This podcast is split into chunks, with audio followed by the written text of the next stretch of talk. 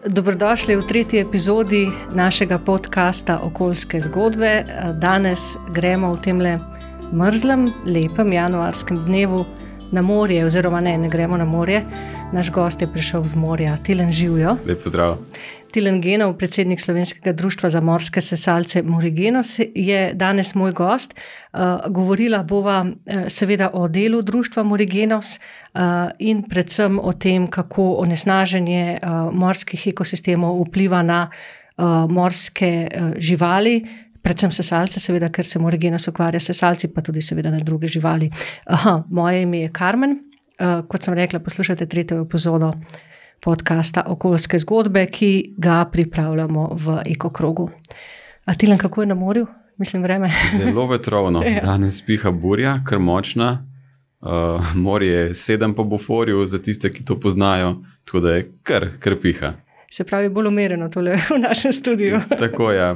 So pa bili danes čisto kot zanimivo z delfini zjutraj pred uh, Piranom. Smo dobili pač obvestilo od uh, kolegov in pa ribičev, Uh, tako da kljub vetrovnemu vremenu pač se ne morejo dogajati. No? Mm, delfinov pač veter ne moti in valovine. ne, ne, to kot nas, sigurno ne, to bolj nam otežuje mm. delo na morju, oni so pa seveda stalno nekje v mirnem ali pa v vetrovnem. Um, Moriginos, zelo lepo je mesto, si izbrali ne, za ime Hvala. društva. Od leta 2001, če sem prav zasledila tako, na vaši ja. spletni strani, se pravi, lani ste praznovali 20 let. Tako, tako. Uh, ti si z Moriginosom že od vsega začetka. Ja, jaz sem dejansko ustanovitelj, oziroma en, eden od ustanoviteljev, uh, pa verjetno glavni krivec no, za, za to društvo.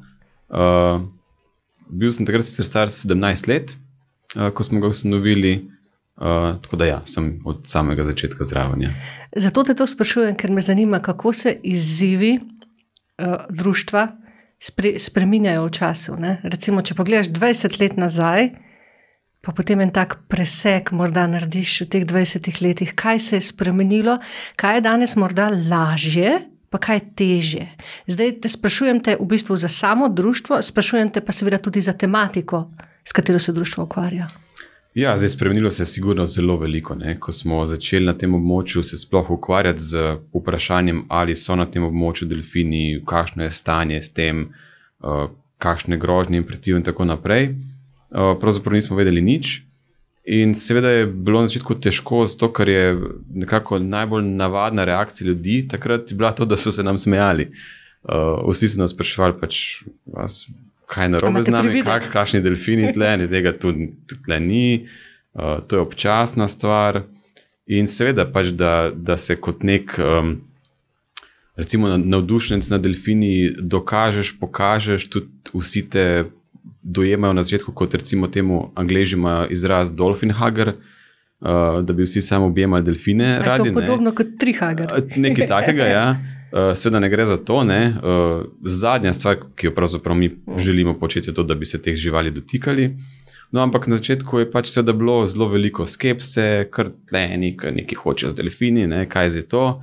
Uh, tudi se mi zdi, da je bilo mo mogoče z, se strani ribičev, dosta skepse, seveda, ne, nekako recimo, tradicionalno so tisti, ki se zauzemajo za varstvo narave ali pa delfine in tako naprej, dosti krat v nekem konfliktu z ribiškim sektorjem. Ne? In so nas morda na, na ta način tako tudi nekako. Vse na začetku morda dojemali, ne? kasneje so seveda videli, da ne izhajamo iz tega, da nekako ni naš namen iskati neke konflikte, ampak iskati neke poti rešitev. Ne? Um, no, tako da kar se je spremenilo skozi teh 20 let, je gotovo to, da uh, smo postali bolj prepoznavni in da, da ljudje bolj zaupajo v to, kar počnemo, oziroma vejo, da smo resni in da to delamo dobro. Ne.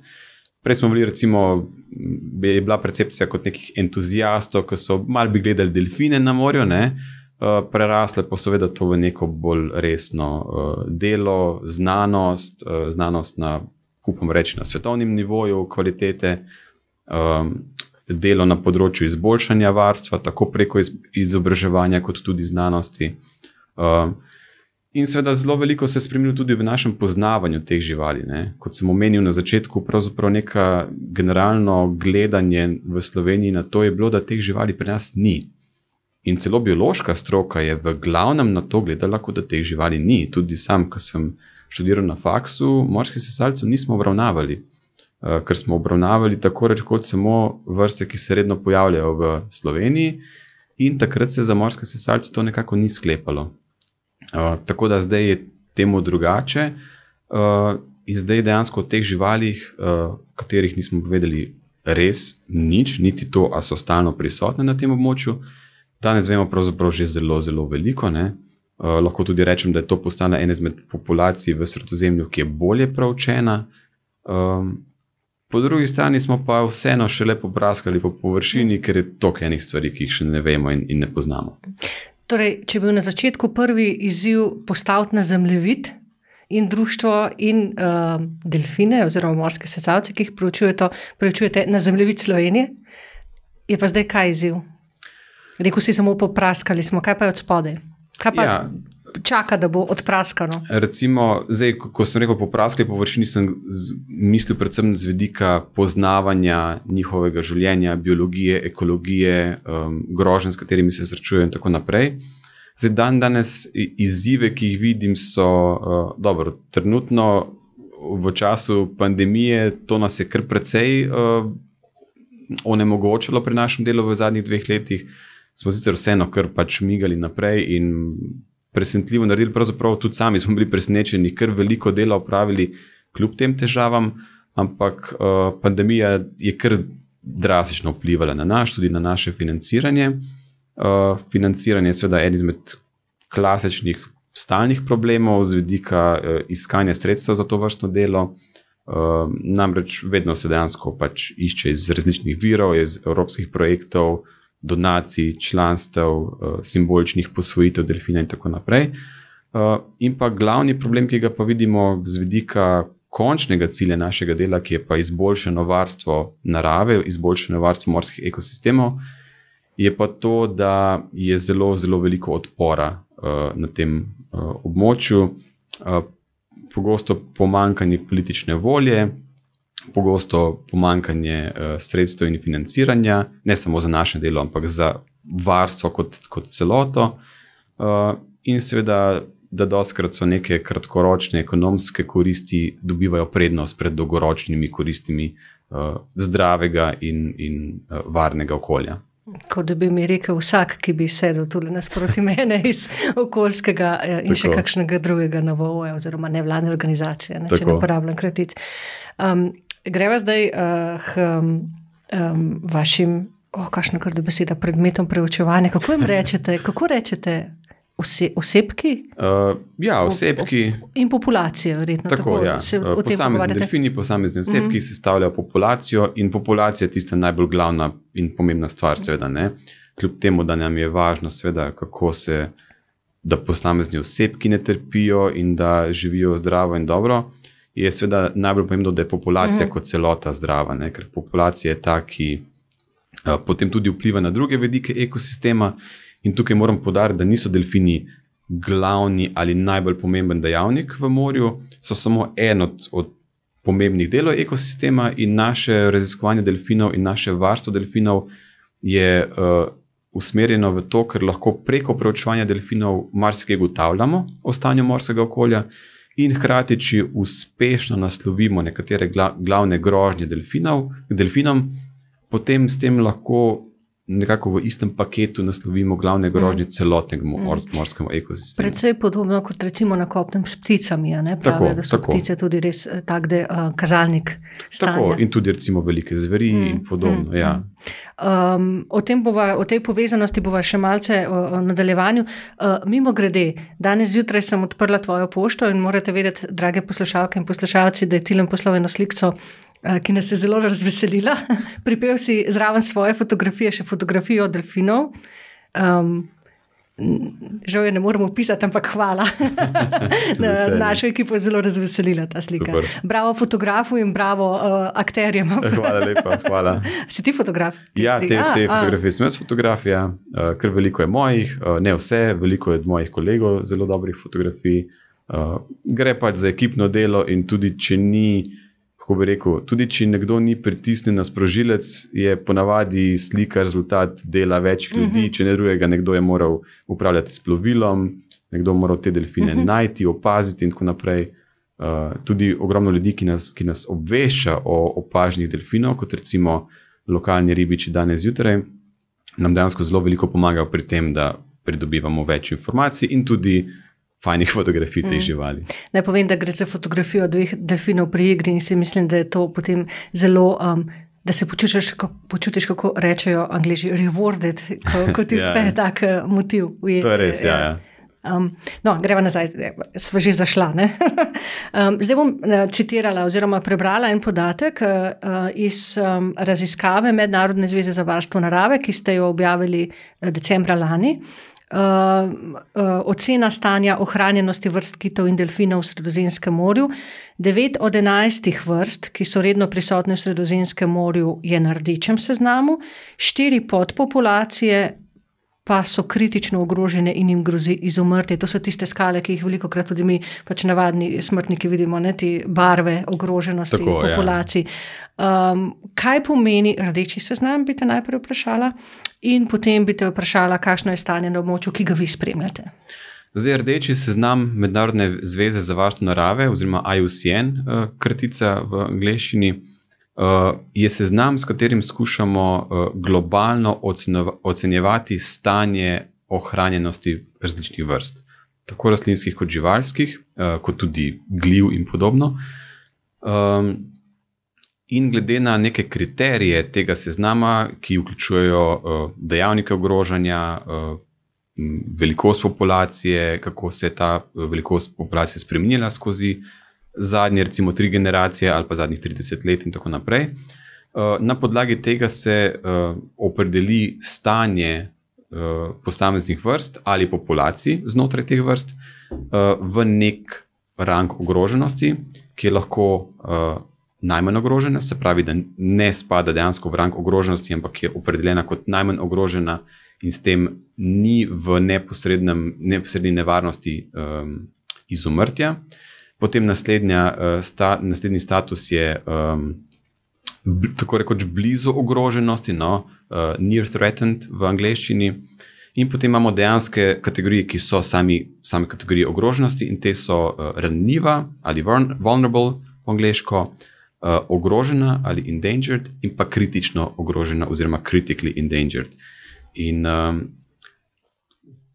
to uh, stanje ohranjenosti se določa tako za vrste na globalnem nivoju, spravi na nivoju vrste, in pa tudi za posamezne populacije znotraj vrste. Namreč, recimo v primeru delfinov, ki živijo pri nas, eh, to je vrsta velika pliskoka, to je vrsta, ki je po celem svetu razširjena in globalno imamo določen status eh, ohranjenosti.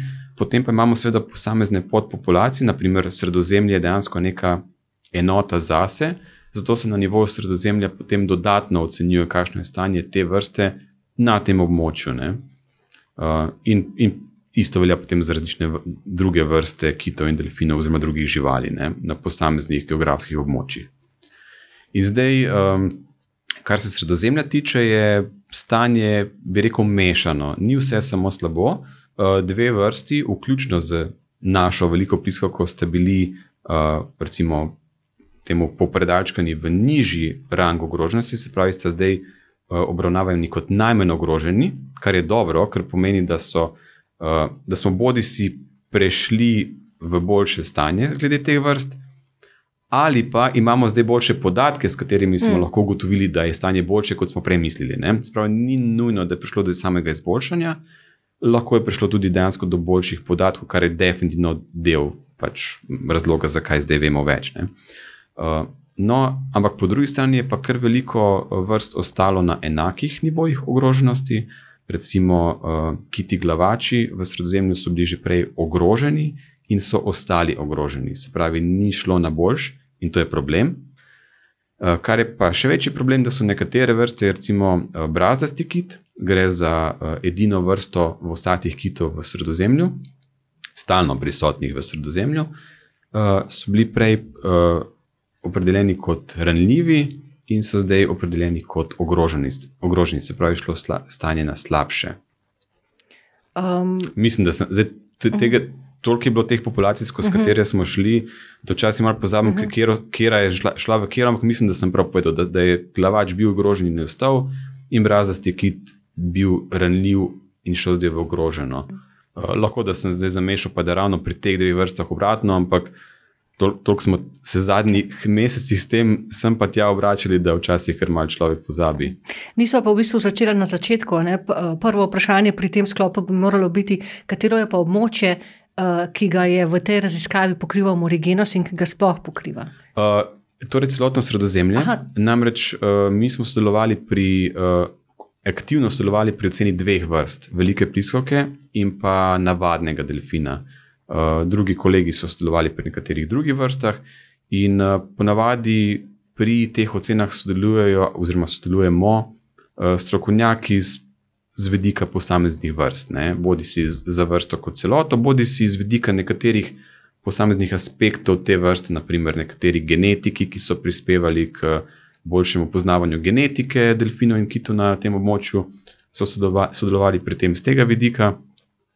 Tako da mi smo sodelovali pri teh dveh vrstah. No. Velike pliskoke, ker je dejansko naša glavna ciljna vrsta, tako rekoč, ne, ker stalno živijo tukaj pri nas v Sloveniji. In pa navadnega delfina, ker smo se raziskovalno kar veliko ukvarjali z njim, tako pri nas, kot tudi drugot. In ker gre dejansko za vrsto, ki je bila nekoč um, nekaj navadnega, kot že ime mhm. pomeni, ne, navadni delfin, ker so bili splošno razširjeni vse posod po sredozemlju in tudi v Jadranu in tudi v našem morju. In uh, so bili nekoč, saj sklepa se celo bolj uh, pogosti kot velike pliskoke. Uh, danes pa to vrsto obravnavamo uh, na nivoju sredozemlja kot ogroženo, spravi, ne gre dobro. Uh, na nivoju Jadrana jih pravzaprav obravnavamo kot regionalno izumrle in jih praktično sploh ni več, oziroma se zelo, zelo redko pojavljajo. Tako da pri teh dveh vrstah smo mi uh, sodelovali. Um, Mi, ki sprašujemo, imamo zelo radi poenostavitve, črno-belo, zdaj ne biti je za nami. Um, je možno reči, da se v nek nekem delu sredozemlja uh, zadeve recimo, občutno izboljšujejo, na nekaterem delu se občutno poslabšujejo, ali je to um, preveč? da razmislim. Ne, Vprašanje je dobro, ker je dosti krat tako. Spravi, kot sem že omenil, za globalno populacijo nekatere ene vrste, ne, naprimer navadnega delfina, globalno je ta vrsta najmanj ogrožena. Nas ne skrbi, da bi ta Aha. vrsta kot vrsta izumrla.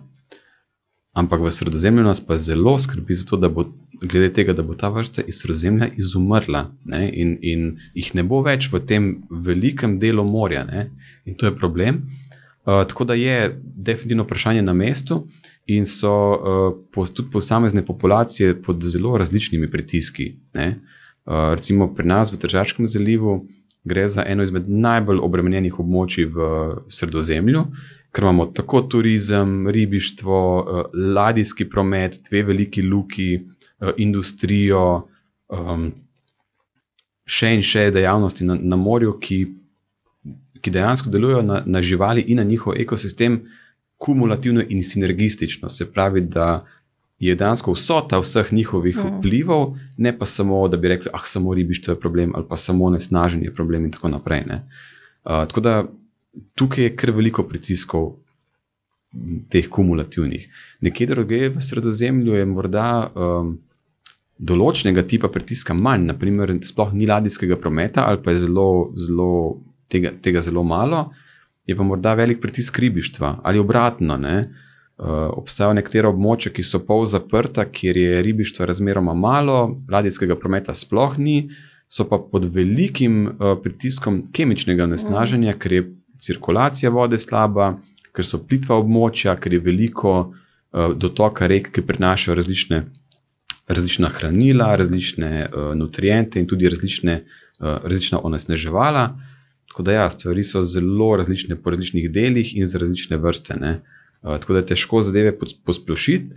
S tem seznamom sicer skušamo narediti nek celosten pregled za določeno vrsto, ampak ravno zato imamo posamezne podpopulacije, ki so na nekaterih območjih dodatno posebej ocenjene, ker so tako izrazite enote same zase, da jih je smiselno zase oceniti. Ne vem, kako je to sicer jasno, ker bi lahko samo o tem, po mojem, govorila eno uro, ampak uh, ja, nekako. Um, sam si mi je že v bistvu pripeljal ne, do tega citata, ki bi ga rada prebrala, in pa potem o pritiskih ne, na, morsko, na morski ekosistem. E, tule je en podatek iz leta 2020: 93 odstotkov evropske morske površine pod različnimi pritiski. Kar pomeni, praktično ni, ni morske površine, kjer ne bi bilo določenega pritiska. Ampak predtem bi jaz rada tole še prebrala, ker mi je bilo res zelo všeč. Pomagal si mi s prijemkom prej uh, ustanovitelj raziskovalnega inštituta TETIS, uh, Giuseppe Notar Bartolo di Šara. Uh, je ob tej raziskavi, ki smo jo prej omenjala, uh, povedal tole, no? malo daljši citat je. Zaščita vrst in populacije je seveda izjemnega pomena vendar ne bi smeli biti zadovoljni zgolj s tem, da njihova številčnost zaradi varstvenih prizadevanj postane stabilna. V čem je smisel živalim dovoliti preživetje, če preživetje pomeni, da se morajo na nehno boriti, da bi se izognili utopitvi v mreži, da jih ne seseklja propeler plovila da se izognejo oglušitvi zaradi podvodnih zračnih topov ali boleznim zaradi zaužitja strupenih kemikalij ali mikroplastike. Naša naloga bo končana šele, ko bomo vedeli, da živali dobro uspevajo v okolju, v katerem so se skozi evolucijo razvile. Krasno se mi zdi, ker govori, ne govori o dobrobiti živali. Tudi, Eno tako. je populacija obstane, drugo pa je, da da se ne treba boriti za obstanek v tem uh, najbolj. Um, Ne vem, kakšnem smislu, naj, najhujšem možnem smislu, ja, ki smo ga povzročili ljudje, ne? ne narava sama. In to je, to je dober primer, um, da imamo pri delu z živalmi ja, dva koncepta: varstvo in dobrobit. In uh mhm. -huh. nista enaka, nista ista. Uh, Doskrat ljudje mešajo dobrobit živali z varstvom živali. Ne? Z vidika varstva je, kot so prej omenila, populacija pomembna enota, z vidika dobrobiti je pa posamezni osebek pomemben. Zdravje. In uh, oba aspekta sta pomembna, ni, ni da en pomemben, drugi ne. Uh, pomembno je samo, da se zavedamo, da nista eno in isto. Ne? Pa verjetno je, si predstavljam, varstvo predpogoj za dobrobit, skoraj da. Uh, ja, lahko bi se tudi. Lahko bi se tudi reklo, da je tudi obratno, ne, da je dobrobit posameznika pomemben za učinkovito dolgoročno ja. varstvo. Ne. In zelo veliko raziskav trenutno je usmerjenih v to, kako izboljšati dobrobit za izboljšano varstvo. Uh -huh, uh -huh. Um, tako da, ja, sta zadevi neposredno ne prepleteni. Ne. Uh -huh. Torej, ta podatek o 93 odstotkih evropske morske površine pod pritiski, sam se jih že naštel, naj jih ponovim. Uh, pomankanje plena, degradacija habitata oziroma življenjskega prostora, naključni ulov ribiške mreže, podvodnih hrub, kemično in plastično onesnaženje ter podnebne spremembe. Tule med temi pritiski sicer ni turizma, uh, se mi zdi, da bi tudi. Uh, zato, ker je turizem. Uh... En izmed faktorjev, ki vpliva na, nek, Aha, na mnoge nastajanje vseh teh, recimo podvodnih hrup, je en izmed uh mhm. -huh. pomembnih. In onesnaženje. Tudi onesnaženje. Uh -huh. Uh, tako da je dejansko faktor, ki vpliva na nekatere od teh glavnih groženj. Mm. Sam si rekel, vsi ti pritiski eh, med sebojno pomnožijo svoje učinke, ne, ker ne obstajajo sami, sami po sebi. Raziskava, ki sem jo brala, pravi, da je najhuje v Severnem in Balskem morju, uh, in potem je našteto že tudi Sredozemlje. Kako je pa pri nas? Uh, zdaj, glede česa, G generalno? Generalno. Pa bo šla potem posebej. Tako bom rekel, zdaj doskrat, mislim, stanje ni idealno, daleč od tega, ampak hkrati bi rekel, da ni katastrofalno. Ne? Se mi zdi, da Slovenci zelo pogosto na naše more gledamo kot, ah, to je vse umazano, to, to je vse nasnaženo, to neč tle ne živi. Ne? To je daleč od resnice. Ne? Eh, Slovensko morje je izredno bogato z pestrostjo. Eh, kolegi iz Morske biološke postaje so to doskrat enačili kot za neko nojetovo barko, v smislu, Uh, malo vsega imamo, ampak veliko različnih stvari. Uh, in tudi um, čistoča morja uh, pri nas ni slabša kot vem, v večini delov uh, Hrvaškega morja. Gre pa za to, da je uh, severni Jadran in sploh Tržaški zaliv že naravno bolj uh, uh, bogat z tako z nutrienti, kot tudi z fitoplanktonom. In so zato nekatere stvari, kot je naprimer uh, motnost vode, uh, ki nam morda estetsko ni tako fajn kot bistra voda, uh, odraz tega, ne pa nujno onesnaženosti. Mm. Se pravi, motna ali pa zelenkasta ali pa celo rjavkasta voda, sama po, sebi, sama po sebi ni nujno onesnažena. In ravno tako imamo lahko izredno čisto, bistro vodo, ki je pač uh, strupena za življenje. Primer Velenskega jezera, to je bil kar nekaj let nazaj, uh, takrat, ko je, bila, uh, uh, ko je bil pH, če se prav spomnim, tako visok, ja, tako bazično. Uh, je, bazična je bila voda v Velenskem jezeru, da tam ni nič živelo, ne? zaradi tega odlaganja pepela in zdaj se ne spomnim več, kako točno je to šlo, ampak voda je izgledala fantastično, turkizno, bistro, vabljivo za kopanje. Tudi na bledu se to dogaja, naprimer, in, ne turkizni ne, bled. Včasih ljudje malo mešamo koncepte, kaj je onesnaženo in kaj ni. Ne. Tako da z tega vidika bi rekel, da stanje v Slovenskem morju uh, ali pa Tržavskem zalivu ni katastrofalno in da pravzaprav zelo veliko bogatosti življenja.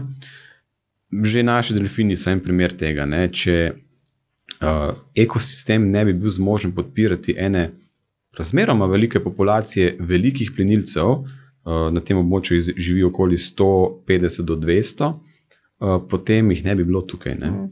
In dejstvo, da so tukaj, je en pozitiven znak, da si našega morja še nismo zapravili ne? in da ga je vredno ohranjati. Ampak, seveda, so problemi, problemov je veliko in uh, to, kot sem rekel, daleč od katastrofalnega, ampak daleč od idealnega. Ne. Kot sem te na začetku vprašala, me tudi zdaj zanima trend. Glede uh, onesnaženja. Zdaj, glede na onesnaženje, bi jaz težko komentiral glede trenda, ker to ni glavno področje našega mm -hmm. dela. Uh, to, kar smo recimo, mi spremljali, je bilo uh, onesnaženje določenih kemičnih spojin, oziroma njihova prisotnost v tkivih delfinov. Mm -hmm. Uh, tako da o tem imamo kar dober pregled in vemo, da so ta uh, vsebnosti tako imenovanih PCB spojin, uh, polikloriranih bifenilov, v delfinih precej visoke, ampak ne moremo tega primerjati uh, z 20-30 let nazaj, ker takrat mi nismo delali Imate, na tem področju, tako da ne moremo mm. tega primerjati. Kar se pa tiče nekih drugih kazalnikov onesnaženja, so pa drugi ljudje verjetno boljši uh mhm. -huh. naslov za to. Recimo, eh, nekateri eh, raziskovalci spremljajo določene kemične spojine eh, v školkah, v sedimentih in tako naprej, ne, v sami vodi. Tako da to, če se ne motim, Agencija Republike Slovenije za okolje spremlja, kolegi iz Morske biološke postaje so nekatere od teh zadev spremljali. Tako da odvisno na kater aspekt onesnaženosti mm -hmm. gledamo. Um, ko greš ti na more s čovnom, delfinom.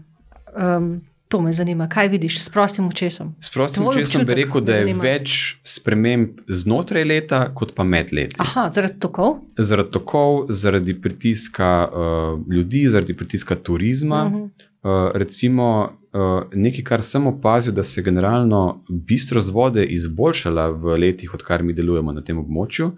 Ker ko smo začeli, je morda bila neka poprečna vidljivost pod vodo, bi rekel, recimo približno 5 metrov nekaj takega.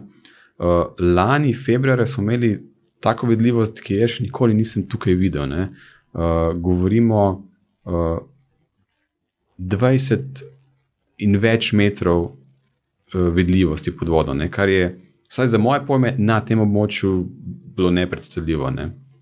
Uh, tako da, ampak se pravi, veliko več nekih sprememb z vidika koliko plastike na morju opazimo, in tako naprej. Bi rekel, da je več variabilnosti znotraj leta, kot pa med leti. Ne. Mhm. Nekaj, kar pa se je definitivno spremenilo v zadnjih dveh letih, je, da na morju opažamo zelo veliko več uh, mask, zaščitnih mask zaradi COVID-a, uh, ki jih ljudje pač uh, bodi si neposredno vržejo v morje ali po tleh, pa jih potem odpihne v morje, ali pa jih, ali pa jih sicer odložijo v koše za smeti mogoče nekoliko brezbrižno, te koše so morda že malo napolnjeni z ostalimi smetmi, potem se mi zdi, da radi pač, ah, dobro, bom, bom pač tle na vrh dal, ne, brez da bi razmislili, da to tam ne bo ostalo, mm. da bo to veter raznesel, da to lahko ptice raznesejo. In zelo veliko tega najdemo uh, na obali in pa v, na, na samem morju, na terenu. Ravno podatek je iz Velike Britanije. Sem brala pred dnevi, uh, ko imajo te čistilne akcije. Vsak september imajo to ogromno prostovoljsko čistilno akcijo. Tudi pri nas. Uh, no, ja. 80 odstotkov uh, vseh smeti, ki jih najdejo na obalah. V Veliki Britaniji so ugotovili, da pride v resnici iz celine, mislim, iz notranjosti države. Ne? Ja, tako je. O čemer si govoril ti. Um, zdaj, um, ena stvar, ki uh, vidimo, kot si rekel, onesnaženje lahko vidimo, lahko ga ne vidimo. Um, plastika, o kateri bomo v nadaljevanju govorila, je seveda velik eh, problem lahko za morsko življenje, ampak vseeno bi te predtem vprašala še. Nekaj besed bi rekla o podnebnih spremembah in njihovem vplivu. Ne? Zato, ker um, jaz, laik, si predstavljam, da v bistvu gre pri vsem tem, o čemer smo zdaj govorili, za neke vrste zanko, uh, oziroma neke vrste um, spiralo, ki se, ko se enkrat začne, pravzaprav ni težko ustaviti, če gre v napačno smer. Ne? Se pravi, uh, biodiverziteta, uh, uh, dobra biodiverziteta. Izguba biodiverzitete zmanjša odpornost ekosistema, in, se, in zato je ekosistem bolj ranljiv, in če je ekosistem bolj ranljiv, se spet zmanjša biodiverziteta. Um, kako na to stanje vplivajo uh, podnebne spremembe? Ja, Mislim, eh, hočem, sprašujem te to zato, da vsi poznamo tiste slike koralnih grebenov in bledenje koral in tako naprej. Kaj pa pri nas pred našim pragom? Ja, problem teh klimatskih sprememb je ravno to, da dodajo še en dodatni, um, dodatni delček tega mozaika večjih različnih vplivov, uh, in da ga pogosto težko umestimo smiselno v kontekst, koliko je to ogroženo. Uh -huh. Recimo, če res poenostavim, pa banaliziram. Če se en delfin ujame v ribiško mrežo, je to zelo fiksen, očitni primer, kaj je šlo na robe, ta žival je umrla. Pri klimatskih spremembah so stvari malce tež, bolj težavne, ker pogosto nimamo direktnih vplivov ali pa jih je težko zaznati, ker so, ker so posredni, uh, indirektni um, in predvsem to, ker, ker delujejo v sozvočju z ostalimi. Ne. Zdaj, eh, pri klimatskih spremembah, kar se tiče kitov in delfinov, se kažejo spre, spremembe oziroma vplivi teh klimatskih sprememb že z vidika razširjenosti vrst. Recimo, eh, kolegi iz Velike Britanije so pokazali, da je prišlo do premika vrst, da, da določene vrste, ki so bile prej pogoste ob obali Velike Britanije, so postale zelo redke, ker so šle bolj proti severu in nekatere bolj toploljubne vrste, ki so bile razmeroma redke prej, so postale dosti bolj pogoste. Ne? Se pravi, da že prihaja do nekih sprememb z vidika razširjenosti. Um, veliko vplivov se bo verjetno odražalo na plenu, se pravi, uh, morda so klimatske spremembe in spremembe v temperaturi vode nekaj, kar ne bo neposredno vplivalo na same delfine, ampak bo vplivalo na njihov plen in lahko vodi v pomankanje plena, morda, ne, ali pa spremembo v kompoziciji plena, na katerega živali morda niso prilagojene. Uh, druga opcija, ki, ki je uh, možna, je, da pridejo do nove vrste ali pa nove populacije iste vrste, bolj proti severu, zaradi vedno bolj toplega morja. Uh, in povzročijo dodatno kompeticijo za živali, ki so že prisotne na tem območju. In ena težava, ki jo naši delfini imajo, je to, da nimajo kam na sever več. Mi smo, Tržaški zaliv je najbolj severni del ne samo Jadrana, ampak celotnega sredozemlja. In so omejeni z, z celino, in, in če se bo voda še vedno pač ogrevala, živali ne morejo pobegniti tako rekoč še bolj na sever, kot lahko to počnejo vem, v Atlantiku, uh, ker ni več kam zaiti. Uh, in poleg teh posrednih vplivov je zelo velika možnost tudi za neposredne vplive, uh, za tako imenovani termalni stres. Dobesedno, da če je prevroče, da nam je vroče in da lahko kot ljudje tudi. Pademo v uh, termalni šok, vsako leto poslušamo, ko imamo te vrčinske vale, da je toliko in toliko ljudi umrlo, že samo zaradi to vrstnih zadev. Eh, podobne termalne vplive imamo lahko tudi na delfine. In eh, te živali skozi leto grejo skozi enormne variacije v temperaturi vode. Govorimo od recimo 8 stopinj po zimi, januar, februar pri nas, do 30 uh -huh. stopinj poleti. V zadnjih ne? letih. Traške zaliv je pol zaprto območje, je razmeroma plitvo območje in ker je tako globoko zažrt v celino so tukaj uh, vplivi temperaturnega nihanja veliko bolj izraženi kot pa nekje južne v Jadranu. Ne? In se voda tukaj veliko bolj ohladi po zimi, in hkrati veliko bolj ogreje. Ne? Tako da te živali skozi leto res grejo skozi enormne razpone temperatur, in dejansko ne vemo, kako bo to na dolgi rok vplivalo. Če se bo voda še ogrevala uh, v poletnem času, uh, ne vemo, do kolikšne mere bodo živali to lahko dejansko tolerirale z vidika njihove fiziologije ne, in delovanja telesa in tako naprej. Ampak verjetno zaenkrat učinkov še ne morete, uh, zdaj, zdajšnjih učinkov. Da bi jih lahko ne. izmerili, ne. ne to, to je nekaj, kar se bo kazalo na dolgi rok, uh mhm. -huh. pa še to je zelo težko je meriti. Že, že težko je meriti učinke v posamezni živali, še bolj težko pa potem to prevesti na populacijski nivo, kako to vpliva na populacijo. Ne. In uh, odgo veliko odgovorov nimamo, ravno zato, ker je težko pridobiti te zadeve. To skrat ljudje mislijo, da, okay, da če se ukvarjajo z delfini, potem, potem pa valjda lahko ful stvari ugotovijo, te živali pa vse vejo. Veliko stvari je zelo težko ugotoviti in to so živali, ki jih je generalno gledano težko preučevati. 80% svojega časa preživijo pod vodo, pod gladino, ko jih ne moremo direktno videti, uh, živijo na različnih oddaljenostih od obale, od par metrov, včasih do par deset kilometrov. Ne? Rabiš plovilo, da prideš do njih, da jih lahko eh, spremljaš.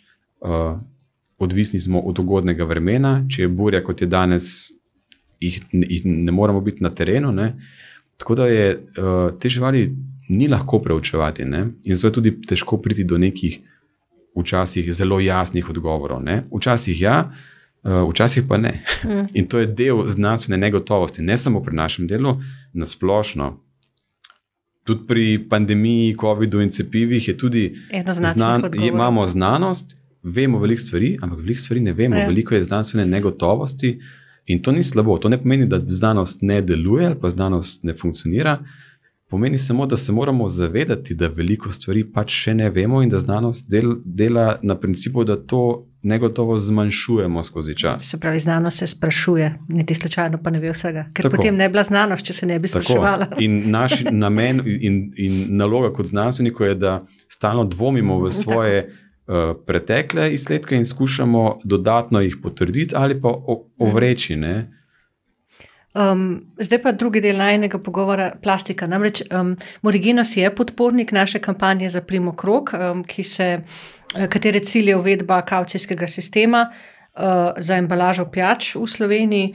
Uh, mislim, da uh, glede na to, s čim se srečujete pri svojem delu, je to pravzaprav tako logično, logično ja. uh, da podpiraš take rešitve. Zdaj, ko govorimo mi dva o plastiki, ne, jaz sem razdelila vidno in nevidno plastiko, zdaj ne, to je čisto tako lajčna razdelitev. Vsi, uh, čisto primerna ja, razdelitev. Ja, tako, ja, ja. Vsi smo se že srečali na, na obalah z spet embalažo pijač, plastenkami največkrat. Um, in bi najprej rekla nekaj o tej vidni uh, plastiki. Nevidna plastika je pa tista tako imenovana mikro- in nanoplastika. Um, Ki, pri kateri še veliko stvari ne znanih, ne? ampak nekaj pa gotovo že. Um, vidna plastika, vsi poznamo te posnetke živali, ki so se zadušile, nekatere živali želve ne? zamenjajo uh, plastiko za meduze. Tako se nekako sklepa. Ali je to vse? mit? Uh, pri nekaterih vrstah se sklepa, da to dejansko Aha. drži. Uh, ne nujno za vse vrste, ker se različne vrste želv tudi z različnimi uh, organizmi prehranjujejo. Ne? Ampak ja, mm. je zelo veliko zaužitja plastike uh, pri želvah. Ja. Mm. In poznamo te uh, slike grozne živali, ki se zadušijo zaradi tega ali na kakšen način poškodujejo. Um, Mene zanima tole, ali je mu, ne, najprej bom te tako vprašala, pri živalih, ki jih vi spremljate, pri delfinih, koliko se te stvari dogajajo? Pri velikih pliskavkah, na srečo, zelo malo.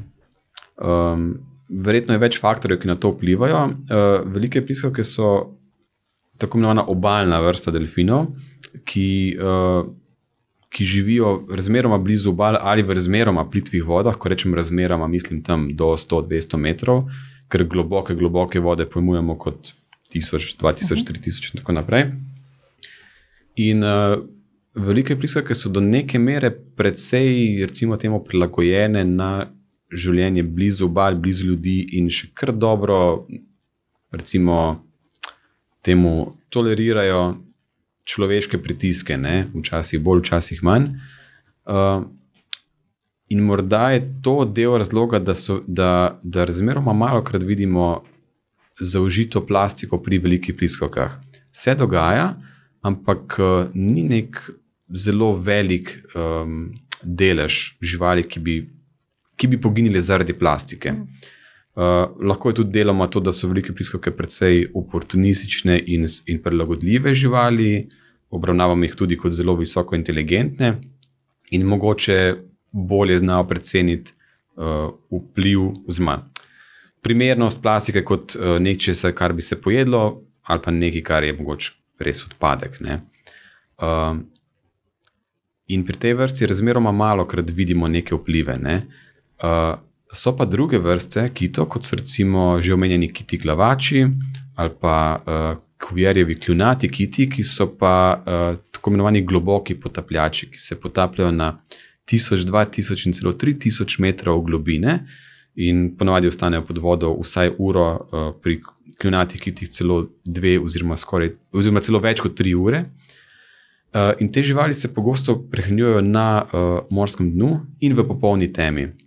In pri teh vrstah vidimo večje, mm. ne mi kot mi pri nas v Sloveniji, ampak mi kot globalno, raziskovalci kitov in delfinov, uh, veliko več primerov tega, kot pa pri velikih piskavkah. Uh, mehanizmi niso popolnoma še jasni, uh, ampak morda je del tega, ker se živali prehranjujejo pri dnu in doskrat rijejo po dnu za svojim plenom. Veliko teh odpadkov je na samem morskem ja, to, dnu. To je ravno to, kar sem hotel v bistvu prereči. Eno je nasnaženje, ki ga vidimo, ne vse tiste ogromne otoke nasnaženja, ja. kaj pa na dnu pa ne vidimo. Tako, ne? Ja. Ja, Tako da to je mogoče en izmed razlogov, zakaj več tega zaužijajo.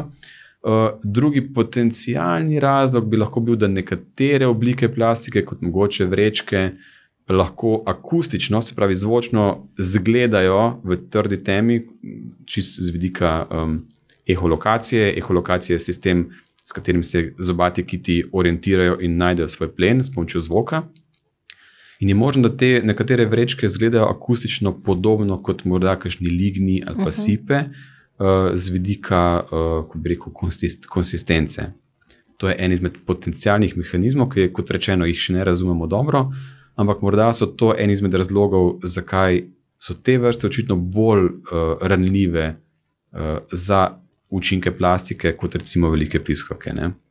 Kakšni pa so lahko poškodbe, smrt, drugi učinki za užitje velike, velike plastike? Uh, glavni, glavni učinki so, da dobesedno zamaši uh, prebavno, mm. prebavni uh mhm. -huh. trakt, prebavne poti, uh, bodi si črvesje, bodi si želodec, uh, v nekaterih primerih lahko že sam požiravnik. Uh, lahko pri nekaterih primerih za užitje gre do, uh, do um, perforacije stene želodca ali črevesja. Uh, poznamo prav primer, primere, kjer je prišlo do smrti, zato ker je uh, um, oster kos plastike uh, dejansko prepiknil steno, zdaj se ne spomnim, bil želodec ali bilo črevesje, in je to dejansko potem vodilo v smrt. Skratka, hudo trpljenje in smrt. Ja, ja, to so zelo boleče zadeve, um, in, um, in, ki se končajo potem smrtjo. Uh, včasih so učinki lahko zunani, se pravi, da se žival zaplete v neko uh mhm. -huh. plastiko, ne nujno, da jo zaužije, ampak se zaplete in lahko potem ta uh, plastika bodi si onemogoča gibanje, uh, bodi si. Uh, Pogosto se, se dogaja pri morskih sesalcih, tako pri delfinih, še bolj, pogoste, še bolj pogosto pa pri tjulnih, da uh, se ujamejo v nek, neko plastiko, kot recimo tisti six-pack rings, ko so Eh, pri nas sicer več nimamo, ampak tiste plastične, uh, ko se six-packe da, ja, dejansko, ja, ja, ja. Da, da, držijo, nosilke, da držijo skupaj za, um, ja. uh, te uh, piksne. No, uh, pločevinke. Pločevinke, hvala. Ja. Sem iskal, iskal primeren slovenski izraz. um, ki držijo skupaj in se doskrat, recimo, živali ujamejo v ta nek obroč ko so še majhne, potem pa rastejo. Hmm. In potem dobesedno rast, ko rastejo v to, in to vedno bolj zažira tkivo, not, uh, v živo tkivo, v mišiče, in pride včasih do res hudih in, in grdih poškodb, ki niso, niso fajn za videti. Uh, tako da so učinki res različni, ne, kar se teh makro, uh, makro odpadkov mhm. tiče. Kakšni so pa lahko učinki te, uh, takšnih uh, poškodb, smrti, nesreč na celotno populacijo? So merljivi? To je zelo dobro vprašanje in ravno to je ena izmed tistih stvari, ki sem rekel, da slabo poznamo učinke na posameznika, še teže potem to prevesti, kolikšen delež umrljivosti je zaradi tega na nivoju populacije. Ne? Ker mi lahko včasih, drug problem je ta, ne, da se najde recimo mladega glavača, ki je bil poln plastike. Ne? In kaj zdaj? A je to bil nek čuden primer, nek uh, redek primer, nek frik primer, ne? Ali je to nekaj, kar se dogaja pogosto, pa samo tega ne vemo. Ne? In potem je včasih celo težko vedeti, kaj je prišlo prej. Ne? Recimo, en izmed tipičnih teh, uh, recimo, neke povratne zanke je uh, naleti hitrih ladij na velike kite in potem zaužitje plastike. A je žival najprej zaužila plastiko in je to oslabelo, tega, ker, se, ker dejansko iz tega ni dobila nobenih hranil, in je vedno več te plastike zaužila, vedno teže se je premikala, vedno manj energije, in jo je na koncu zadela ladja, in je bilo plastika najprej, ladja kasneje. Ali je bilo obratno, ali je kita zadela ladja, zaradi oslabenosti ni mogel več normalno loviti, in je potem, ne vem, požrl dobesedno vse, kar mu je prišlo naproti, in je to bilo veliko plastike. In pri pregledu mrtvih, oziroma pri poginulih živali, včasih lahko stvari razločimo, kaj je bilo prej, včasih pa ne moramo. Ne? In imamo lahko dejansko žival, ki je več kot očitno bila eh, poškodovana zaradi naleta ladje ali pa zaradi udarca propelerja, in ima hkrati poln želodec plastike. Ne? Včasih je zelo težko vedeti, kaj, kaj je bil primarni razlog. Hkrati kombinacija vseh vplivov, o čemer si na začetku ja. že govoril. Ja, zapleteno. Um, plastika, uh, drugi del je pa mikroplastika, nanoplastika. Spet podatek, ki me je res šokiral. Uh, na katerih uh, področjih oceanov svetovnih je šestkrat več mikroplastik kot planktona. Je to možno?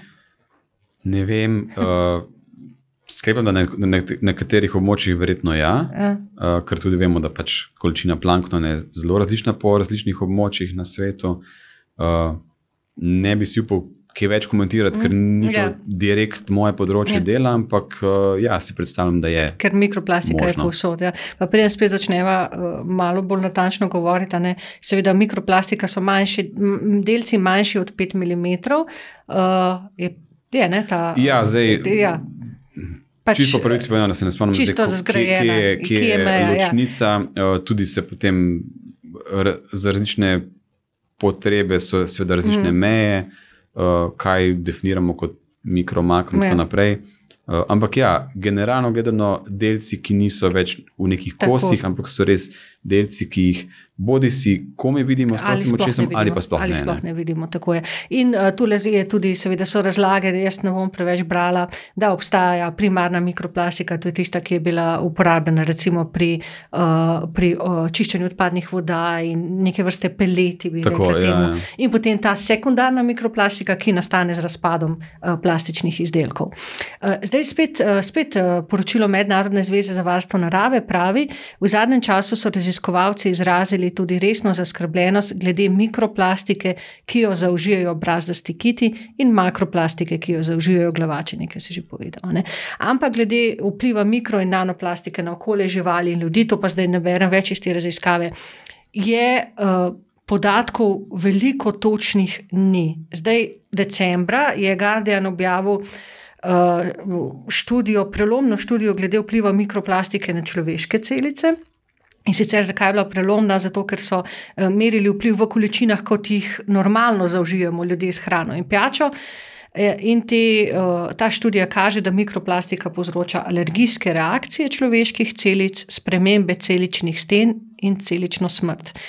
Um, znanstveniki pravijo, da je to lahko začetek vpliva na človeško zdravje, ampak te učinki, seveda, spet še niso potrjeni, ker raziskav premalo. Zdaj, glede na to, da smo uh, v morju kiti in delfini na vrhu prehranevalne verige. Uh, in v, uh, v, na kopno smo ljudje na vrhu prehranevalne uh, verige, in vemo, da se snovi, ki pridejo v telo um, z mikroplastiko, ak, ako, ak, akumulirajo. akumulirajo ja. Hvala. Kopičijo. Ja, Kopičijo, ja, hvala, Evo, zdaj si pa ti našel lepšo besedo. Uh, kako je s tem pri morskih živalih? Uh, ja, uh, Oziroma sesalcih. No, zdaj, uh, sklepa se. Zdaj, kot so omenila, uh, že pri ljudeh se ogromno tega še vedno ne ve, ne? pri kitih in delfinih še toliko manj vemo, uh, ker je to toliko teže pročevati.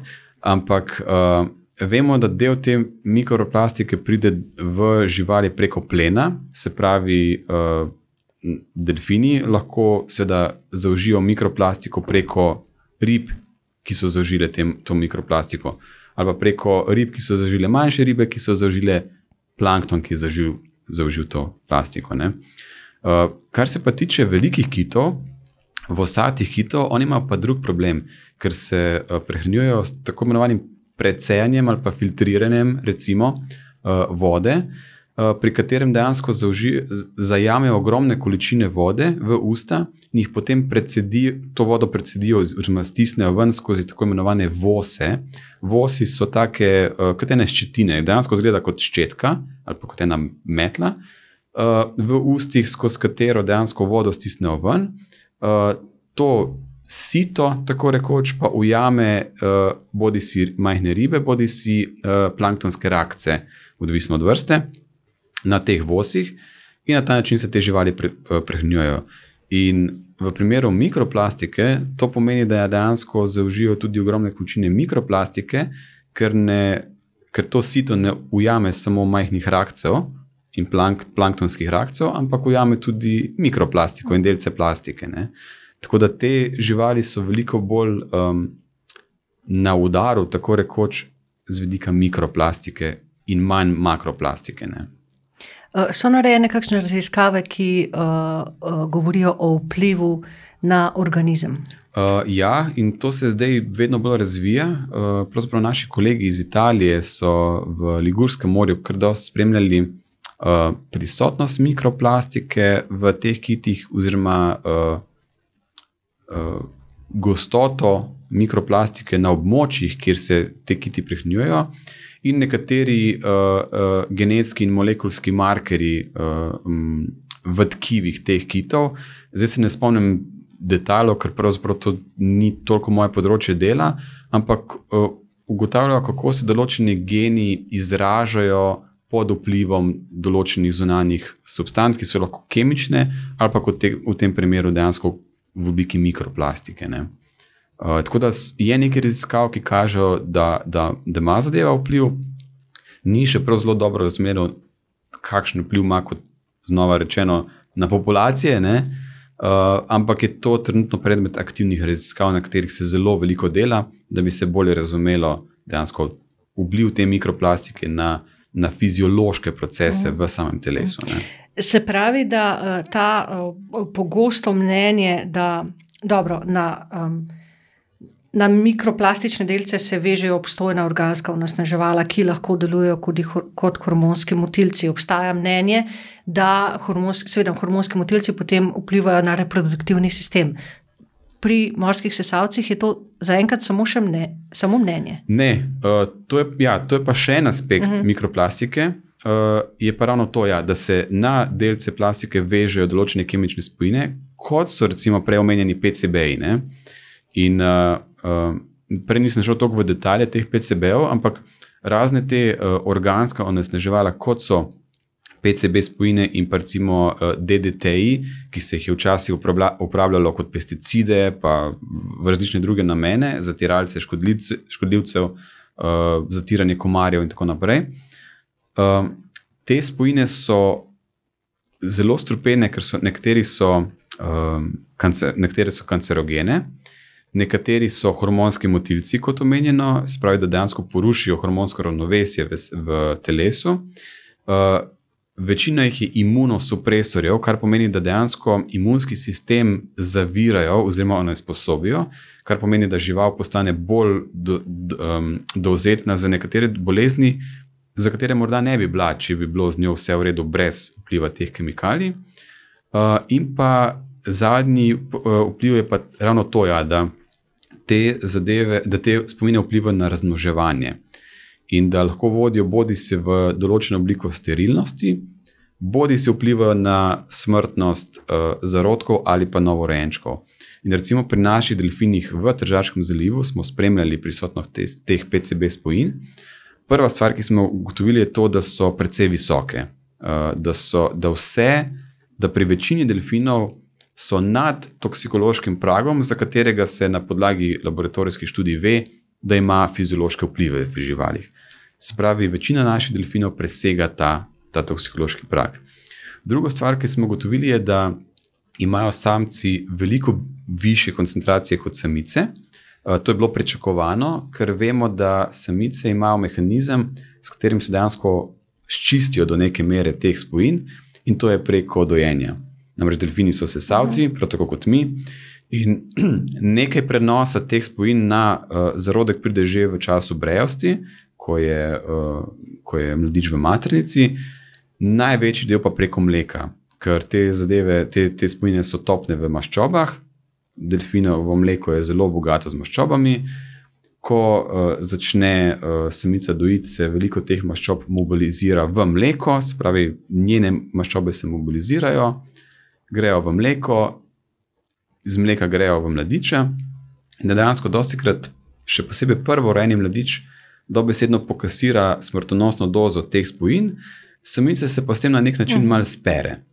Zato samci pa nimajo tega mehanizma, samci samo kopičijo, kopičijo, kopičijo. In zato imamo ponavadi to, da so samci, da imajo veliko više osebnosti kot samice. Ne?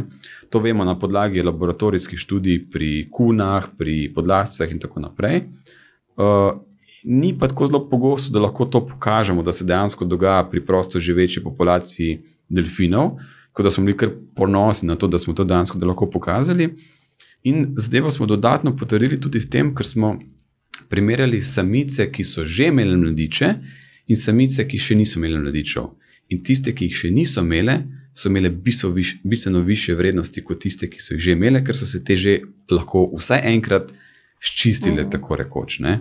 No, problem teh PCB-ov je to, da uh, lahko vodijo v slabše zdravje živali, še posebej samcev, ki se tega ne, more, ne morejo rešiti pri samicah pa vodi v povečano smrtnost njihovih mladičev in lahko to potem za, bodi si vodi v upad populacije, bodi si zavre morebitno um, okrevanje populacije pri kakšnem katastrofičnem dogodku. Recimo, da pride do nekega naftnega razlitja v Tržaškem zalivu, da polovica živali v naši populaciji pomre. Težava PCB-ov je ta, da zavirajo razmnoževanje in lahko preprečijo, da bi si populacija opomogla mm tudi če bi si sicer lahko. Uh, tako da, ja, je, so vse te zadeve spet tako povezane, uh -huh. kemično onesnaženje z tem plastičnim onesnaženjem. V bistvu je tako, ne? mi dva govoriva o dveh, mi dva govoriva o mikroplastiki, ampak zdaj, ko te poslušam, vidim, da govoriva o dveh zadevah. Govoriva o mikroplastiki kot o prenašalki in o mikroplastiki per se. Kot neposrednemu. Tako, za katero pa so se zadeve. Uh, uh, pri kateri so se pa zadeve, oziroma raziskave, v bistvu šele začele. Tako, tako. Ampak povezano je pa toliko, ne, če je pa več. Mikroplastike v morju, pa tudi več prenašalke teh spojin. Tako, potencialno. Ja, Tako ja. da spet smo pri nekem začaranem krogu. Ja, ja, ja. Um, še eno zadnjih vprašanj. Kako, čisto na začetku si ti sam rekel, ne, v ekosistemu morskem je vse povezano. Uh, Kako vse te posledice, ki smo jih zdaj naštela, da ne bomo tako črnogleda, ne seveda, nisva, sam si rekel, da stanje ni tako slabo. Ja. Um, ampak kako te vse posledice, govorila smo o podnebnih spremembah, govorila smo o plastičnem onesnaženju, o kemičnem onesnaženju, o drugih pritiskih. Uh, kako uh, po, če nam lahko razložiš, kako dobro stanje populacije morskih sesalcev vpliva na celoten morski sistem in obratno, kako slabo vpliva, in potem še eno, ne bom te še spustila. Kako ta celoten morski e-, ekosistem v dobrem stanju vpliva na nas, ki živimo tukaj, pa hodimo po dveh nogah? Uh, zelo dobro vprašanje. Ja. kompleksno, uh, je kompleksno, ampak pravzaprav uh, ima odgovor, in, in ki dejansko pokaže, zakaj je smiselno te živali varovati. Uh, In dejansko nekaj, kar sem prej pozabil omeniti pri klimatskih spremembah, je to, da imajo uh, velike morske živali, vključno z morskimi psi in delfini, še posebej pa kiti, ki so zelo, zelo veliki, ključno vlogo pri, uh, o, pri blaženju klimatskih sprememb. In to do razmeroma nedavno še nismo dejansko vedeli. In z tega vidika je en kit vreden več kot tisoč dreves. In bom razložil, zakaj. Doskrat govorimo pač posaditi drevo za blaženje klimatskih sprememb, kar seveda ja, absolutno drži. In, uh, ampak bom pokazal, zakaj so kiti še toliko bolj pomembni z vidika tega, tega klimatskega cikla. Uh, pokazalo se, da so dejansko kiti uh, velik ponor oglika, zato ker ko, ko poginejo, vsta to ogromno količino oglika, ki ga imajo v svojih telesih, ker so tako veliki odnesel dol na morsko dno, kjer postane dostopen za za organizme, ki to razkrajajo na morskem dnu. To je prvi od mehanizmov.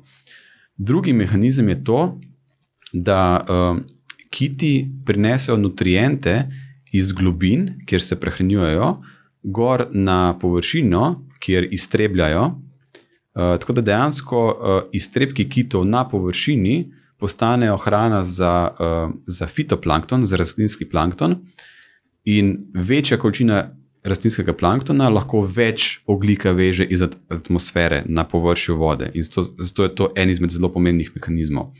Drugi pomembni mehanizem, spravi, to je bila ta vertikalna migracija, dnevna kitov, ko se prehranjujejo v globinah in grejo potem gor.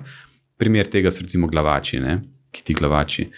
Uh, drug mehanizem so pa recimo vsati kiti, ki pa delajo te dolge migracije sezonske med uh, polarnimi območji, kjer se prehranjujejo, in tropskimi območji, kjer se razmnožujejo. In te kiti prinesejo iz um, območij, ki so bogate s hranili, v, v, recimo na se, okoli Severnega pola in okoli Južnega pola, prinesejo hranila v obliki, uh, mislim, tam jih zaužijajo.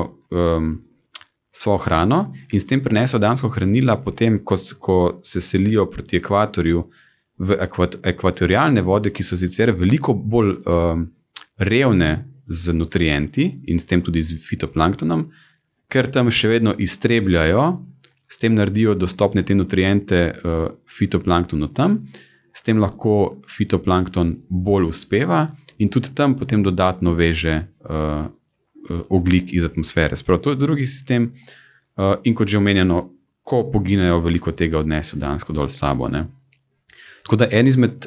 Pravzaprav, kot bi drevesa hodila, če te lahko. De, dejansko, ja. In, in tudi, ker so tako enormni, tako ogromni, uh, je to toliko bolj pomembno. Ne? In se je pokazalo, da s tem, ko smo zdesetkali populacije kitov s kitolovom v preteklosti, smo si dejansko res plunili v svojo lastno skledo, ker je zdaj cel sistem manj. Um, Odporen na vplive klimatskih sprememb, kot če bi teh kitov bilo, toliko, koliko jih je bilo na začetku. Ne? In zato dejansko ena izmed glavnih stvari, ki jih lahko naredimo za blaženje klimatskih sprememb, in to ne govorim zato, ker se pač ukvarjam s temi živalmi, v smislu, da ja, je moja žival najbolj pomembna, ampak je dejansko to res.